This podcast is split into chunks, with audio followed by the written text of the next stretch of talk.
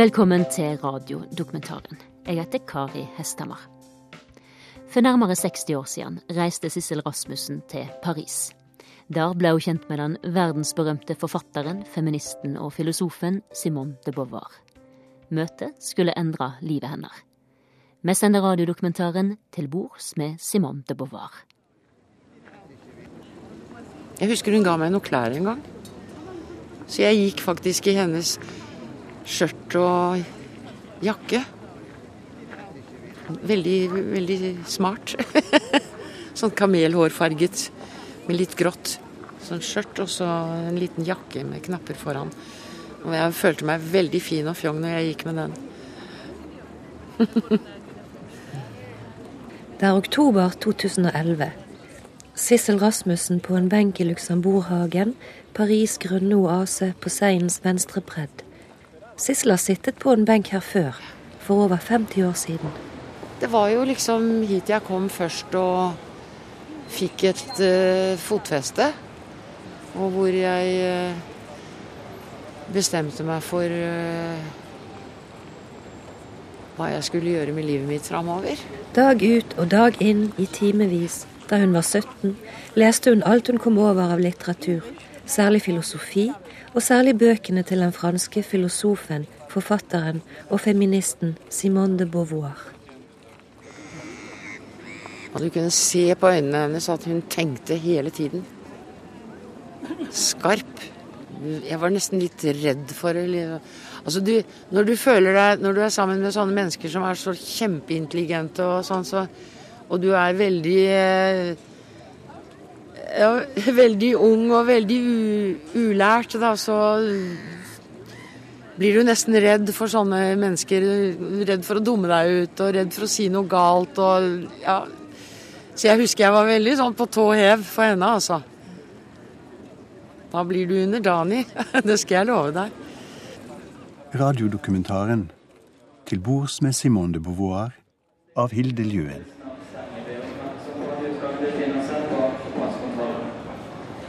Er vi, er vi på vei til Paris? ja. Litt rart å reise fra Gardermoen til Paris, da. Oslo lufthavn Gardermoen. Sissel, 73 år, er sporty kledd med grønn frakk og en brunrød, gammel koffert i hånden. Sissel beveger seg raskt og lett. Hun skal ta meg med til Paris, Europas kulturelle midtpunkt, hvor hun levde som ung og ble tatt inn i varmen av den intellektuelle elite. Du vet, Nå har jeg gått og forberedt meg litt på dette intervjuet, så da har jeg tenkt tilbake i tid. og da, Første gang jeg reiste til Paris, vet du, da tok jeg båt fra Oslo til Amsterdam. Og så tok jeg tog fra Amsterdam til Paris. Så det, litt, det tok litt lengre tid enn nå. Det var midt på sommeren, første gangen jeg dro. Ja, Sånn i begynnelsen av juli måned. Og da sov jeg på dekk. Hva var grunnen til at du reiste til Paris den gangen? det, jeg, jeg, vil nok si at det var Jean-Paul Sartres bøker. De eh, hadde gjort et stort inntrykk. Jeg leste de bøkene. Jeg var ganske ung da, men eh, jeg forsto at der var det et eller annet som jeg bare måtte vite mer om. Jeg måtte få litt mer uh, Nei, jeg måtte bort, bort. Nei, nå, nå, nå er vi på flyplassen. Da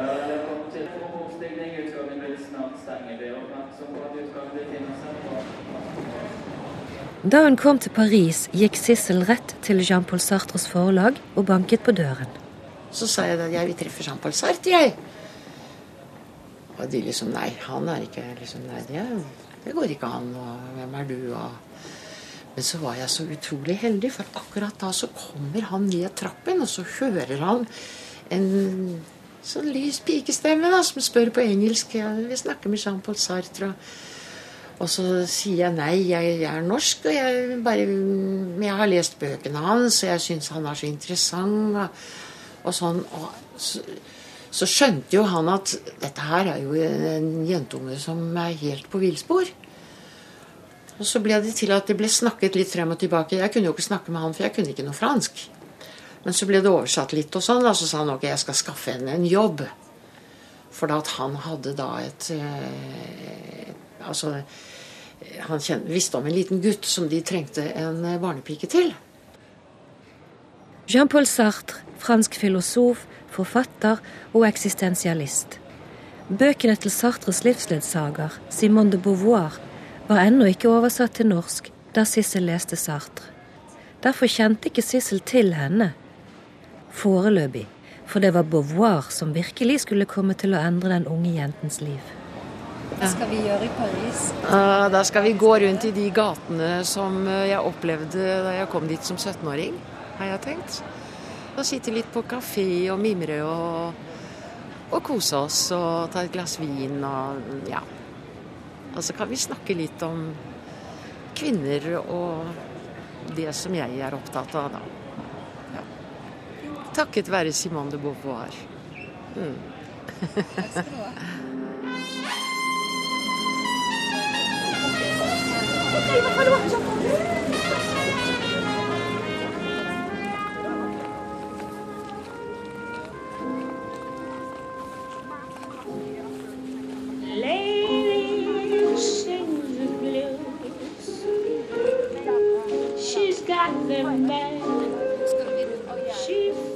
er søndag i Luxembourghagen. Høstblomstene dufter. Det er fredelig.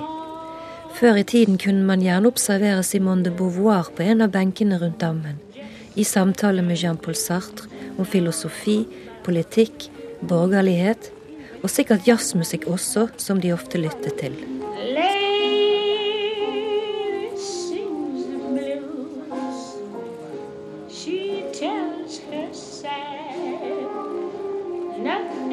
Jeg syns det var så det var sånn dobbeltmoral under allting der. Og det var masse snobberi som jeg ikke likte. 16 år gammel var Sissel i opprør mot foreldrene og miljøet på Oslos vestkant. Ja, jeg, jeg var eh, temmelig eh, forbanna på alt rundt meg på den tiden der. Jeg likte ikke borgerskapet. Jeg eh, fikk jo beskjed om at det gjaldt å få tatt en artium, for da kunne jeg få en rik ektemann. Og da behøvde jeg ikke å jobbe noe mer i livet. Det var liksom det vi var esla til, da. Så jeg begynte jo å skulke skolen, og jeg gikk heller i stallen på Øvrevoll og red hester og sånn. Og så skulka jeg så mye at til slutt så ble det jo oppdaget. Og da ble faren min så sinna på meg. Som straff ble Sissel sendt ut av Oslo til familiens gård i Østfold. På befaling fra Sissels far beordret gårdsgutten henne hver morgen til å klatre ned i potetkjelleren. Så lukket han lemmen over hodet hennes. Hele dagen skulle hun være innelåst i mørket og sortere poteter. Der var det ei lita lyspære som hang og dingla. Og det var ganske mørkt og ille der. Det var en stor kjeller. Masse poteter. Alle de råtne potetene, de pælma jeg i veggen.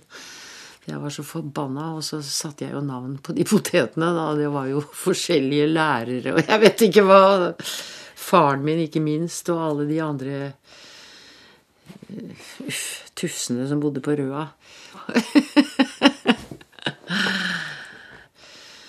Jeg ble jo låst ut klokka fem på kvelden, da. da skulle jeg liksom, jeg fikk nok sikkert komme inn litt midt på dagen for å spise litt og sånn, men det var iallfall en hard straff. Sissel hadde husarrest og fikk ikke treffe venner. Og, men, men saken var jo den at om kveldene så var jo jeg aleine i villaen. Og da pleide jeg å tenne på peisen, og det var jo et nydelig hus, et koselig hus, og det var et bibliotek. Og så begynte jeg å lese. Og det var da jeg kom over eh, bøkene til Sartre, og begynte å lese Sartre. Og jeg leste til øyet ble stort og vått, husker jeg. Det var, det var liksom en annen Det var en verden som åpnet seg. Og på dagene når jeg satt med potetene mine, så satt jeg og tenkte på alt jeg hadde lest. Og så ble jeg mer og mer sikker på at uh, hvis jeg skulle finne en frihet og en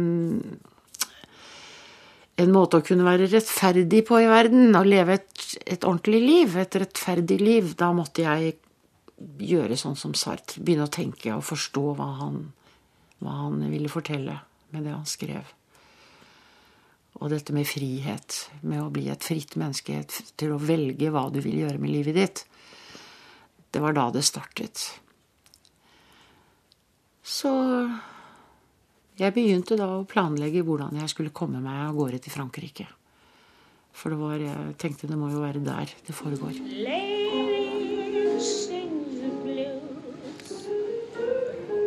She's got the man. She feels so sad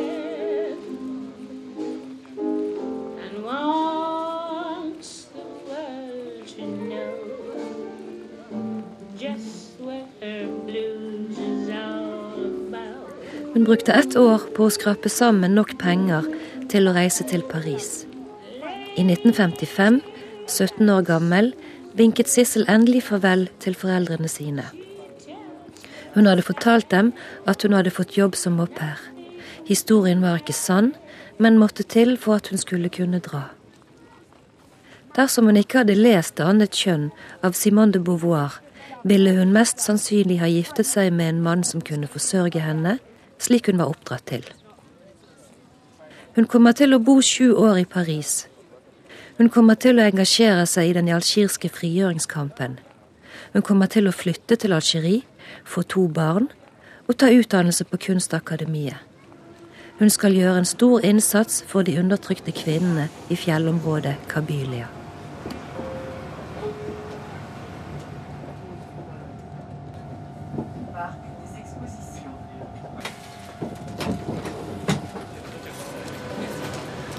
Garçon, s'il vous plaît, je voudrais un café au lait. Merci. Tidlig morgen på Montmartre. Det er loppemarked i det gamle kunstnerkvarteret. Solen har så vidt begynt å varme. Vi sitter utendørs ved et kafébord. I brødkurven ligger en halv croissant etter oss. Og det var veldig artig i dag å komme og, og gjenoppleve en sånn café au lait på fortauet etter så mange år. Sissels øyne smiler. I dag skal hun ta meg med til steder som vekker minner i henne om de første årene hennes i Paris. Det var da alt skulle bli snudd opp ned.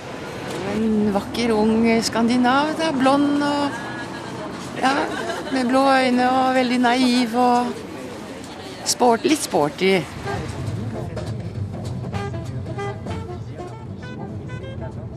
Vi begir oss ut i byen i drosje. Sjåføren har radioen tunet inn på en jazzkanal. Ja, det var jo sånn vi gikk og dansa på. Gutten som trengte barnepike, het Mitja. Han var tre og et halvt år og sønn av Riva Båren, malerinne og intellektuell med godt fotfeste i Sartres krets. Og de hadde da flyttet inn i leiligheten til Simone de Beauvoir. For hun trengte ikke den, hun likte bedre å bo på hotell. Simone de Beauvoirs leilighet. Det skulle altså være her, i Rue de la Boucherie, like ved den berømte katedralen Notre-Dame, at grunnlaget for Sissels valg i livet skulle bli lagt. På denne tiden var det seks år siden Beauvoir hadde gitt ut Ludus hjem Sex, også kalt Feminismens bibel, storverket som allerede hadde rukket å begeistre og sjokkere en hel verden. Jeg tror i hvert fall det må være her. For jeg minnes det huset omtrent sånn som dette. Med bare to etasjer, altså en redd-chaussé som nederst. En etasje, og så Chambre de Bonne på toppen. Vi står foran et velholdt, ganske lite bygg med grå fasade og franske balkonger i andre etasje. Sissel småløper fra en kant til en annen, plasserer seg på forskjellige punkt i gaten og speider ivrig mot majestetiske Notre-Dame, som ligger et stenkast unna. De fire vinduene der mener jeg må være de. De, de er den leiligheten som Beauvoir eide. Ja, de fire vinduene der. Så det er her. Det er ikke noe tvil. Men jeg trodde det var liksom litt mer dreit sånn. At vinduene var, gikk litt mer rett mot Notre-Dame, men det gjør det altså ikke. Men herregud, det er jo 50 år siden. Ikke verst at vi husker såpass. ja, jeg syns det er artig. Sissel passet Mitya hver dag, og Beauvoir og Sartre vanket i huset. Beauvoir kalte Sissel La Petite Norvégienne. Noen ganger liksom kom inn, og vi satt på gulvet og lekte og så kom hun bort og tok meg litt på skulderen og klappet litt og sånn, og så sa hun 'Hvordan går det med deg, den lille norske jenta mi?' og sånn. Det var veldig søt, altså. Det var hun. Ja da. Ikke spesielt. Nei, men hun var høflig mot dem. Og... Men ikke noe sånn spesielt. Hun hadde ikke noe barnetekke. Det hadde hun ikke. Men øh, nei, hun var liksom la dame. Ja. Sartre, da. Han var vimsete. Han var litt vimsete. Og jeg husker en gang jeg sto og vasket opp utpå Vi hadde en bitte liten kjøkkenkrok.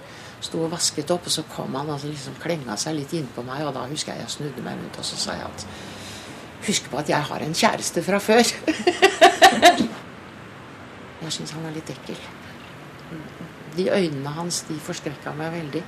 De så jo i hver sin retning. Jeg syns han var rett og slett ovenifra og ned.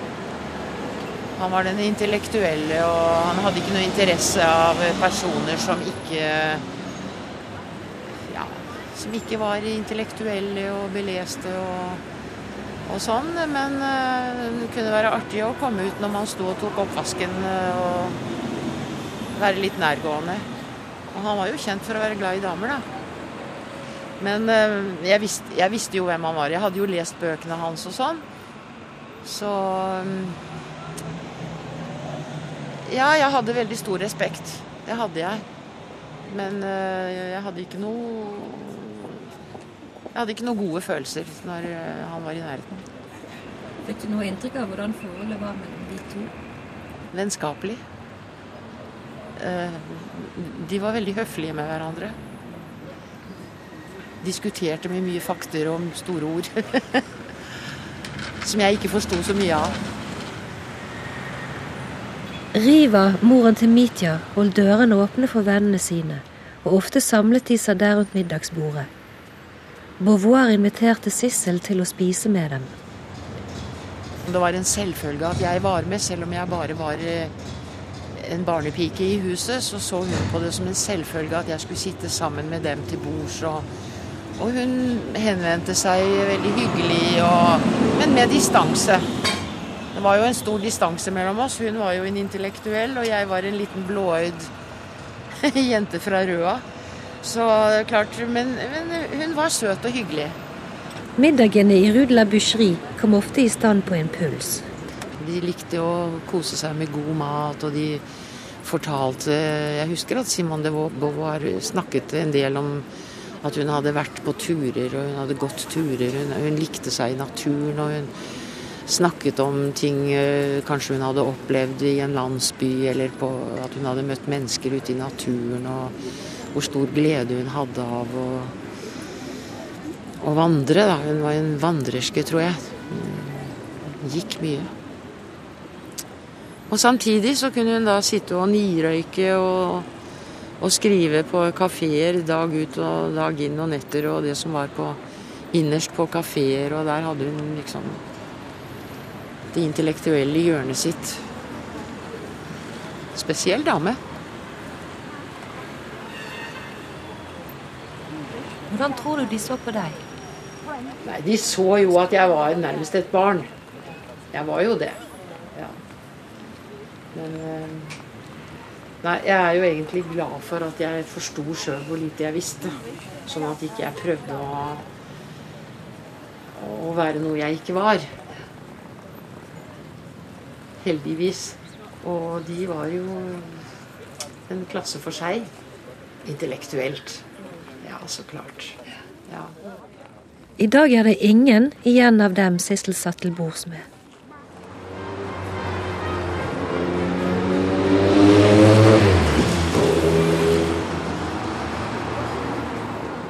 Boulevard Saint-Germain-du-Pré på venstre bredd. Trafikken er nesten øredøvende i denne fasjonable gaten. På 50-tallet var det roligere her. Den gangen var det stamstedet til bohemer, kunstnere og radikale tenkende. Sartre Beauvoir var så berømte på den tiden at folk fra hele verden strømmet hit i håp om å få et glimt av dem. Når kretsen ikke skrev eller diskuterte, lyttet de til jazz. og det føles derfor helt riktig at et timanns jazzorkester setter i gang å spille idet Sissel og jeg passerer plassen som har fått navnet Place Sartre Beauvoir.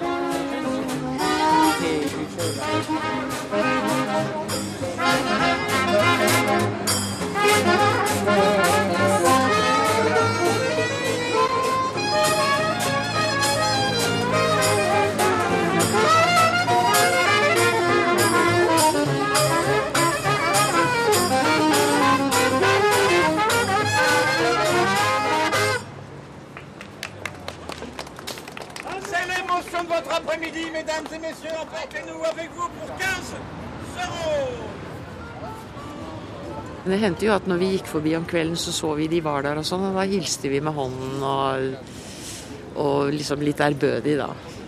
Ja. Der satt Juliette Greco og alle disse Ja. Simone de Beauvoir var jo veldig mye oppe på Montparnasse, så hun hadde hoffet sitt der oppe, og hun satt der og skrev. Men Sartre var mer nede på Saint- Saint-Germain-des-Prés. Jeg beundret de veldig.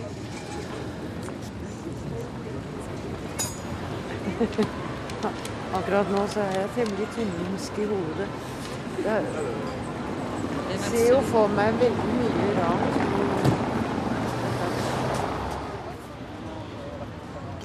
Garçon, Vi setter oss på en kafé i nærheten. euh, de vin blanc maison, s'il vous plaît. Sissel begynner å fortelle om at hun lyttet og lyttet til de franske diskusjonene, og hvordan hun prøvde å forstå. Endelig løsnet det, og hun kastet seg over bøkene. Hun leste alt mellom himmel og jord. Så en dag var hun klar for Le Deuxième Sex. Det er flere år til den skal bli oversatt til norsk og få tittelen Det annet kjønn. Den var jo den som Det var som å få et slag i, fjer, i fleisen. På hver side. Du så jo plutselig hva, hvor kvinners plass var. I eh, både det norske samfunnet og ellers. Og det gjorde meg rasende. Jeg ble veldig sint. Og du begynte å gå og se rundt deg til høyre og venstre, og du så liksom Hva er en kvinne? Og det det var ikke noe hyggelig. Vi skulle jo være søte og pene og yppige og, og representative og Vi skulle være alt. Og for dem så var vi egentlig ingenting. Vi var bare ei dokke som eh, på slep. Ja. Alt er bare løgn av det du har lært før. Så det var en sånn total omveltning, da. Lady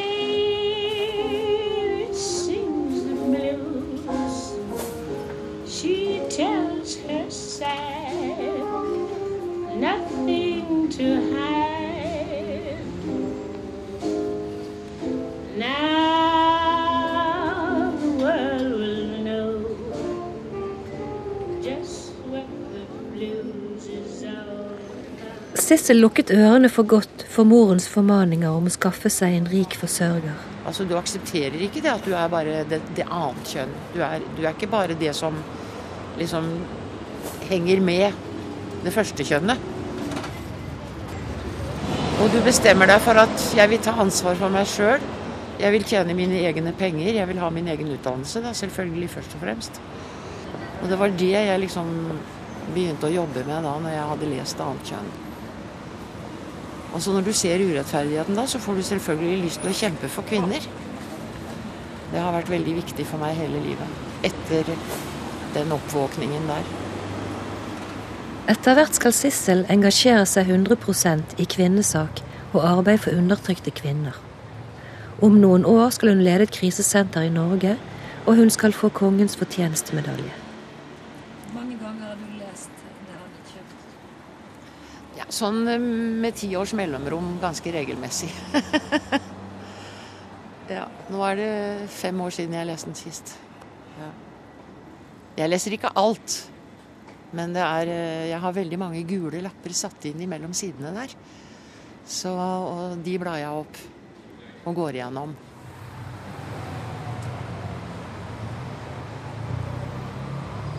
Vi rusler videre. Våre tre dager i Paris er snart over. Paris er jo noe for seg sjøl, da. Det er en egen air. Altså det er noe sånn spesielt uh, i hele Paris. En eh, spirit som du ikke finner i noen andre byer. Et stort smil. ja. Kjempelykkelig. jeg. Vi vandrer i den historiske gaten Rue. Seks fotografier festet til en murvegg får oss til å stoppe opp. Fem sort-hvitt-portretter av berømte intellektuelle menn. Det sjette av en kvinne og det eneste med farge i seg. Simone de Beauvoir i rød kåpe. Plutselig begynner Sissel å snakke fransk henvendt til bildene. Je vois Simone de Beauvoir. Et puis, elle si bien parce qu'ici, il y a six photos. Et puis, tous sont en blanc et noir. Mais celle avec Simone, elle a une manteau rouge, rouge, rouge. Elle, elle vient vers nous. Hein. Nei, nå snakker jeg fransk. Ser du hun kommer imot oss med smil og den røde kåpa si. Fantastisk. Vi får salue. Salut, Simone!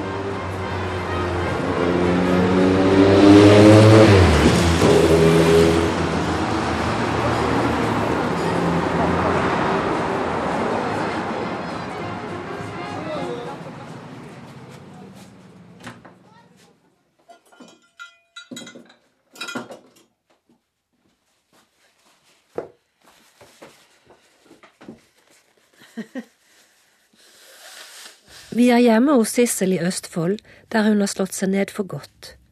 Huset hennes er restaurert. Den gamle stilen er bevart, med tømmervegger innvendig og sprosser på vinduene. Hun bor alene, bare med hunden Biki, katten Bobo, tre høner og en hane. Stille her. Så det eneste du hører her, det er at det knitrer litt i ovnen. Og om våren så er det jo selvfølgelig en del fuglekvitter, og, men det er veldig stille. I en hylle til høyre står en platespiller og et utall LP-plater. Det er litt morsomt å spille på sånn gammel eh, svinggrammofon, da. Det var vel en sånn du hadde den gangen i Paris. Ja, det var det. Mm. Denne her er jo ny, men eh, det er, jeg syns det er en helt annen lyd i eh, disse gamle vinylplatene. Ja, så jeg liker de godt. Jeg hører ofte på de. Mye bedre enn CD-er. Sandpus, nå må du gå ned. Pst, pst, pst. Sissel blar i platesamlingen. Django Reinhardt, Miles Davis, Yves Monton. Dette her spilte jeg sammen med Mitya, vet du. ja, skal vi se Joli tambour Jeg vet ikke hva er vi har for noe her, da. Le roi fait battre le tambour, og den er flott. Pour voir ces jolies dames Den må du høre på teksten, for den er jo veldig typisk. Altså det hvordan kvinnene ble, ble brukt. Ja, den, ja.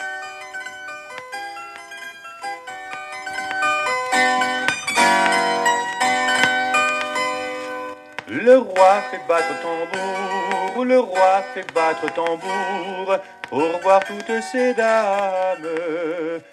Et la première qu'il a vue lui a ravi son âme.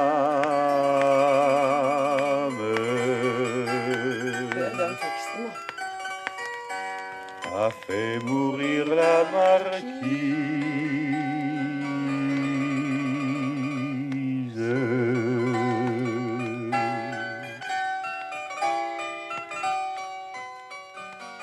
altså kongen som befaler eh, Markien om å gi bort sin vakre kone, da. Liksom hvordan alle måtte bøye og føye seg, og kvinnens skjønnhet den ble jo da brukt eh, uhemmet av kongen, og var, de hadde jo ingenting de skulle sagt. Det forteller jo veldig mye om hvor stor makt kongene hadde, og de rike hadde. Så det, Yves Montand var jo, han hadde jo masse sånne flotte sanger om, eh, om folket mot jeg holdt på å si røkla, men det var jo omvendt. Ja, han hadde masse sånne fine sanger, og de sang jeg med han lille Mitya da han var liten. Da Mitya, som hun passet i Paris, ble gammel nok til å begynne på skolen, opphørte kontakten med ham, og hun satt ikke lenger til bords med Beauvoir og de andre i Rue la Boucherie. Men grunnlaget var lagt, og Sissel begynte å se konturene av hvordan hun ville leve.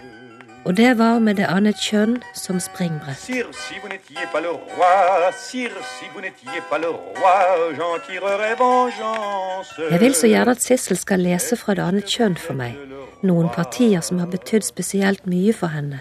Men Er det ingen eh, steder i boken du har lyst til å lese for meg? Det er faktisk ikke det. Søte Simone, jeg ser hun sitter foran bok, på boka her og, og leser sine egne tekster. Og hun sitter jo på en kafé med kaffekopp og sånn som hun gjorde, da. Hun streva jo forferdelig med denne boken. Jeg skulle gjerne ha tatt ut et sitat, men altså det hun skrev, det kan ikke tas ut av en sammenheng. Og det er så masse. Og det kan ikke sies i en setning eller to eller i et lite kapittel, dette her. Det er denne digre boka på Nå skal vi se hvor mange sider.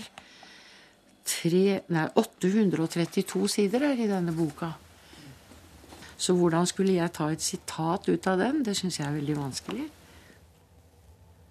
Sissel stryker håndflaten over bokomslaget med bilde av Simone de Beauvoir. Så blar hun litt i boken, stopper opp tilfeldig ved gule lapper hun har notert noe på. Men når jeg leser den nå, så, så sitter jeg og ler litt, for jeg syns den er så passé. Det er så veldig annerledes enn hvordan livet er i dag. Men da jeg leste den de første gangene, så gikk det jo rett inn som, som øksehugg. Altså, det var voldsomt.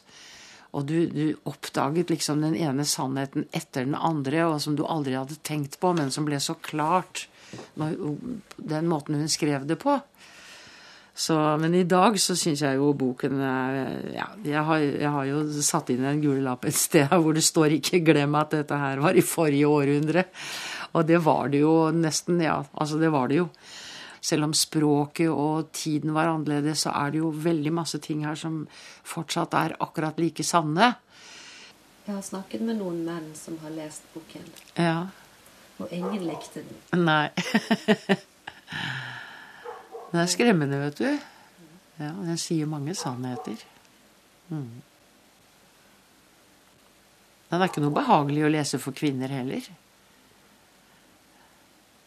På hvilken måte? Nei, for den forteller jo om veldig mange kvinner som eh, føyer seg og underkaster seg, og det, det har de jo gjort hele veien.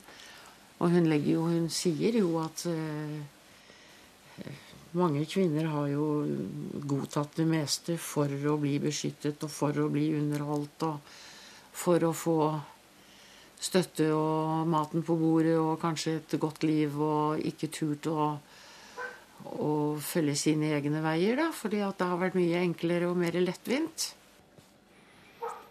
Sissel ruller seg en sigarett Så- og børster vekk med hånden litt tobakk som ligger igjen på kjøkkenbordet. Nei, men jeg husker at jeg var veldig sjokkert, for jeg, jeg sammenlignet veldig mye av det hun skrev med min mors, min egen mors liv.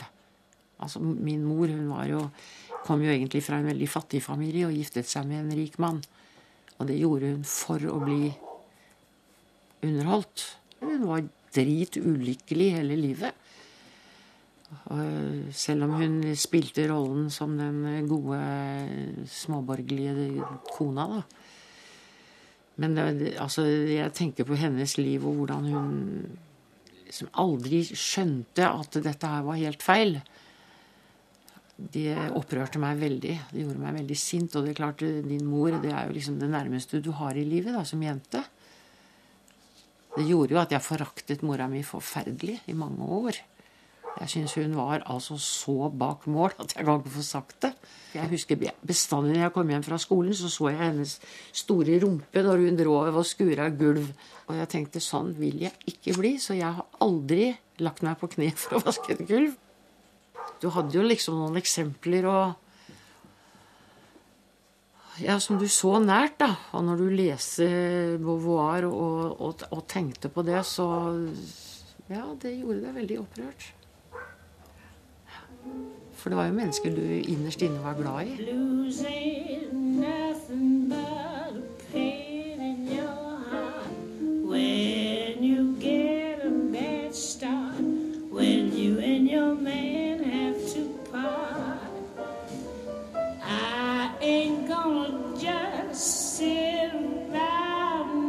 Ok, så vil hun ikke lese. Derfor bestemmer jeg meg for at Sissel i stedet skal lytte til. Je pense que l'émancipation de la femme commence par son émancipation économique.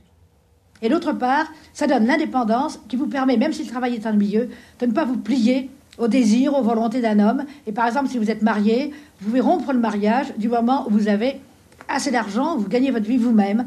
Et de toute façon, vous ne sentez pas dans la relation avec l'homme cette dépendance matérielle qui est la base de toutes les dépendances euh, sentimentale auquel les femmes se plient.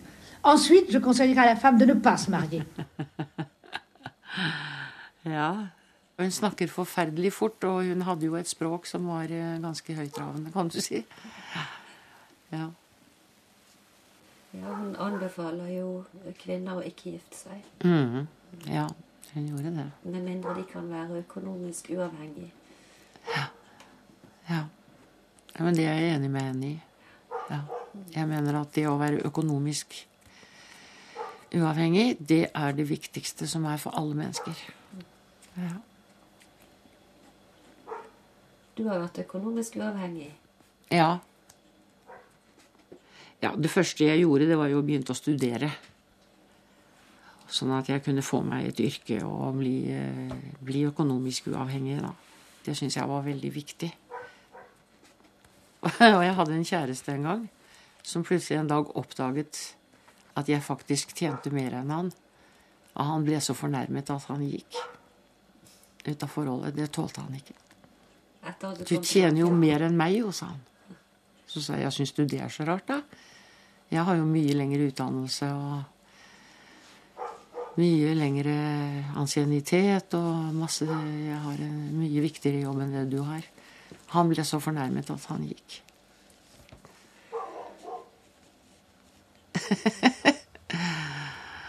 ja, det har jeg ledd av lenge. La revendication de la liberté sexuelle, j'ai toujours été pour, pour tout le monde, euh, à tous les âges et pour tous les sexes. Beauvoir sier at hun alltid har vært for seksuell frigjøring for begge kjønn og for alle aldre. Jeg satt og så på Trekant i går på, på TV. Og jeg syns jo det er så flott å se disse ungdommene som er så frimodige og så åpne og så ja, Både lekne og med humor og, og også så modige som de er. Jeg syns det er så fantastisk, for at altså når jeg vokste opp jeg hadde jo ikke altså det, At noe sånt kunne, kunne gå an, er jo så utenkelig at det altså, Helt bort i natta. Jeg husker jo i Norge på 70-tallet, når jeg kom hit For det første så, så fikk vi p-pilla. Den var jo veldig viktig for kvinnefrigjøring. Og det var en, Kvinnekampen var jo Pågikk jo på gata rundt omkring i Skandinavia da på den tiden. Sissel kom til Norge i 1970, skilt med to barn. To kofferter med klær var alt hun eide. Spørsmålet var hvordan hun skulle brødfø sine barn. Hun dro tilbake til Østfold, til gården med potetkjelleren, og inngikk et samarbeid med nabogården om å drive med melkeproduksjon. Og så gjorde jeg en avtale med denne bonden, og, du, og jeg kom jo da på høyhæla sko og brukte sminke og skal inn i fjøset. Jeg visste jo omtrent ikke hvor mange spenere ku hadde. Men jeg tenkte ok, du lærer vel. Ute skumrer det, inne er det lunt og godt. Det knitrer på peisen. Vi snakker om krisesenteret i Indre Østfold, som Sissel var knyttet til fra starten på midten av 80-tallet, til hun gikk av med pensjon for seks år siden. Når vi startet opp, så var vi jo veldig redde. Vi tenkte guri, tenk om det ringer en dame nå når vi, når vi nettopp hadde åpnet, og sier at eh, jeg trenger hjelp. Altså, hvordan skal vi ta imot? Men så tenkte vi men herregud, vi er jo kvinner. Hadde det vært nabokona som kom på trappa, hva ville jeg gjort da? Jeg ville åpna døra og si 'kom inn'. Og så ville jeg sette over en kopp kaffe. Og så må vi finne ut underveis hvordan vi skal gjøre tingene. På krisesenterets budsjett kjøpte Sissel inn mange eksemplarer av Det annet kjønn. De ansatte skulle lese den. Prøvde å få dem til å lese den, men jeg tror nok det var mange som syntes den var veldig tung å lese. Men de som leste den, ble jo veldig entusiastiske, og de følte at dette her, det, det var nye takter. Nye toner. Det har vært intenst med skriverier i avisen, og vi har greid å få i gang nye lover og rettigheter for kvinner. Og, så det har vært masse slåssing i snøfonnene foran Stortinget for å få til ditt og få til datt. Vi har vært veldig standhaftige, og vi var, vi var flinke, altså. Ja, jeg er veldig stolt av det arbeidet vi har gjort. Og der har jeg alltid tenkt på at det kan jeg kanskje takke Simone de Beauvoir for mye av. At vi liksom fikk øynene opp for hva som egentlig var vårt problem. Og at det gjaldt oss alle, altså. Alle på spinnesida. Det var i 2005 at Sissel ble tildelt Kongens fortjenstmedalje for sin innsats i krisesenteret. Men den var ikke jeg som skulle hatt alene, vet du. Den skulle hele gruppa ha hatt. For vi var jo en gruppe som jobbet sammen hele tiden. Og, og, og, et krisesenter sånn som det var når vi startet opp i 85. Det var jo en gjeng med idealistiske damer. Med Simone de Beauvoir i baklomma. Så den ligger nedlåst i en skuff. Her i huset, eller? Ja da, jeg har den her i huset, men det er ikke sånn som jeg går rundt og Nei. Jeg vet liksom ikke helt hva jeg skal gjøre med den. Hvordan ser den ut? Vil du se den? Ja takk. det er en vanlig sånn liten medalje, da. Hvis han ligger nede i skuffen her, tror jeg.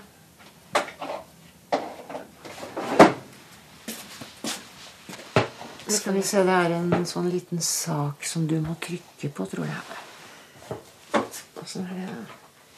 Ja, nå har den ikke vært pusset og sånn, da. Og så står det bakpå da at den er til meg, da. Platen Sissel setter på, er fra 1956 og kjøpt i Paris.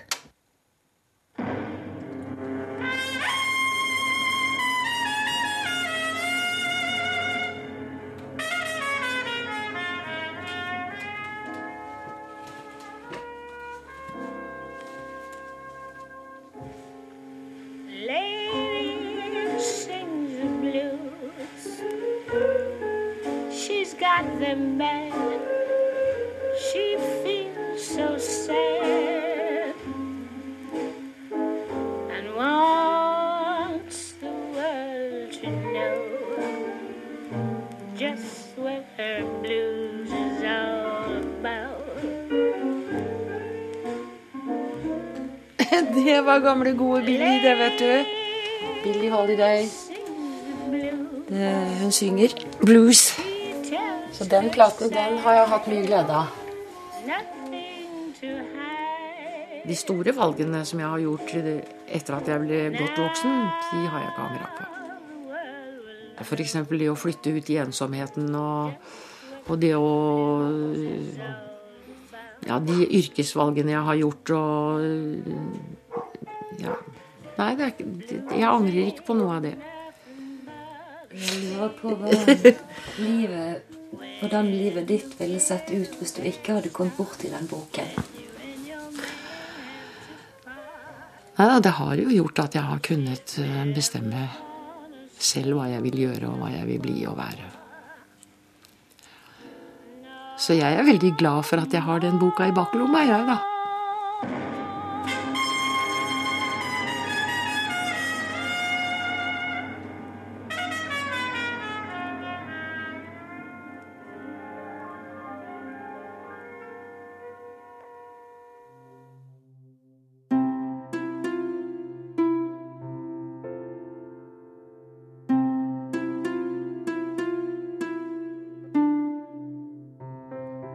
Har hørt radiodokumentaren 'Til bords med Simone de Beauvoir'. I arkivopptak hørte vi Simone de Beauvoir sjøl intervjua av Alice Schwarzer. Dokumentaren er laga av Hilde Ljøen, teknisk regi var ved Kåre Johan Lund, og Hege Dahl var konsulent. Og dette programmet ble første gang sendt i januar 2012. Neste lørdag sender vi radiodokumentaren Søknad om nytt smil. Ann er 36 år og har bare åtte tenner igjen i munnen. Kapittel 1. Jeg mistet eh, seks av mine tenner første gang jeg var tolv år. De ble trukket ut pga. at jeg ikke hadde plass til det når jeg skulle ha tannregulering. Kapittel 2. 2002-2003. Der mistet jeg to stykker. Jeg hadde en voldelig kjæreste. Vi var oppe og kranglet, så kom han til å slå meg, og så sprakk den. Og det knakk. Kapittel tre. Så trakk jeg tre tenner og fire tenner hos tannlegen sist. Det var i fengsel. Der reparerte de ikke tenner. Trakk de dem bare. Hør hele denne radiodokumentaren lørdag om ei uke klokka ti på NRK P2.